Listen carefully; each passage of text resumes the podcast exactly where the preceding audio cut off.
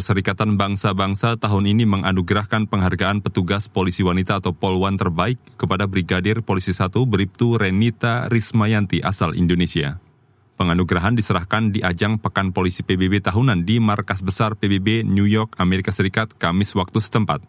Dalam misi perdamaian dunia, Renita menjabat sebagai petugas database kejahatan dengan misi stabilisasi terintegrasi multidimensi PBB di Republik Afrika Tengah, MINUSCA. Sekjen PBB Antonio Guterres melalui akun resminya di media sosial X hari ini menyampaikan ucapan selamat kepada Bribtu Renita Rismayanti.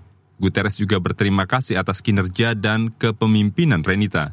Ia berharap Renita mampu menjadi simbol pemberdayaan perempuan dan merepresentasikan kesetaraan gender serta HAM. Dikutip dari situs Tribrata, Renita lahir di Magelang, Jawa Tengah. Ia memulai karir di Polri sebagai petugas informasi publik pada 2014 dan pernah bekerja di bidang pelatihan administrasi dan logistik. Di Indonesia, Renita tergabung ke dalam Divisi Hubungan Internasional yang diketuai Kadif Hub Inter Polri Krisnamurti.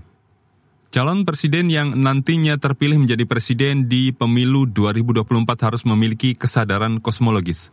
Artinya menurut Ketua Umum Pimpinan Pusat Muhammadiyah Haidar Nasir, memiliki kesadaran untuk memasukkan dimensi Tuhan dan ketuhanan dalam kehidupan berbangsa dan bernegara. Para capres dan cawapres itu juga harus memiliki kesadaran kosmologis. Kesadaran kosmologis itu bahwa uh, politik, ekonomi, budaya, dan kehidupan bernegara itu tidak akan lepas dari ekosistem di mana kita hidup dan uh, pencipta kehidupan yakni Tuhan. Ketua Umum PP Muhammadiyah Haidar Nasir menambahkan dengan memasukkan dimensi Tuhan dan ketuhanan, maka Presiden dan Wakil Presiden terpilih tidak akan menyalahgunakan kekuasaan. Selain itu, menurut Haidar, membangun bangsa dan negara bukan semata persoalan tua atau muda usia, melainkan soal visi kebangsaan, kenegarawanan, pengalaman dalam pergumulan kehidupan kebangsaan dan kepemimpinan. Kita ke soal lain, kemacetan lalu lintas di jalur Pantura Jawa Tengah berdampak pada kelangkaan BBM subsidi. Informasi selengkapnya bersama reporter radio jaringan Musyafa. Macet parah di jalur Pantura Rembang, Jawa Tengah memicu kelangkaan bahan bakar minyak BBM bersubsidi.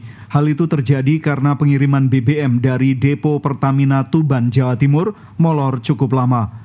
Pantauan di sejumlah stasiun pengisian bahan bakar umum SPBU di Kota Rembang sejak Jumat pagi hingga Jumat sore 17 November 2023 kehabisan BBM bersubsidi jenis Pertalite.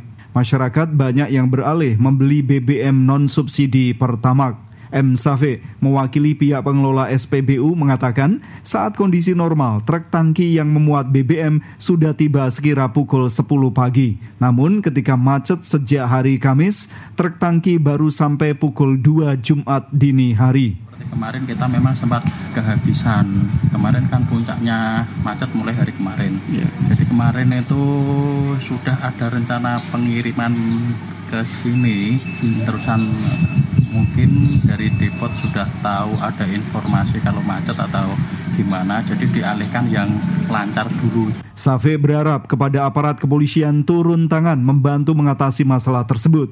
Kalau bisa, iring-iringan truk tangki pembawa BBM dikawal polisi sehingga pasokan Kerembang tetap aman. Musyafa R2 Berembang melaporkan untuk KBR. Tepat pukul 18 waktu Indonesia Barat Saudara, inilah kabar baru dari KBR, saya Sindu Darmawan.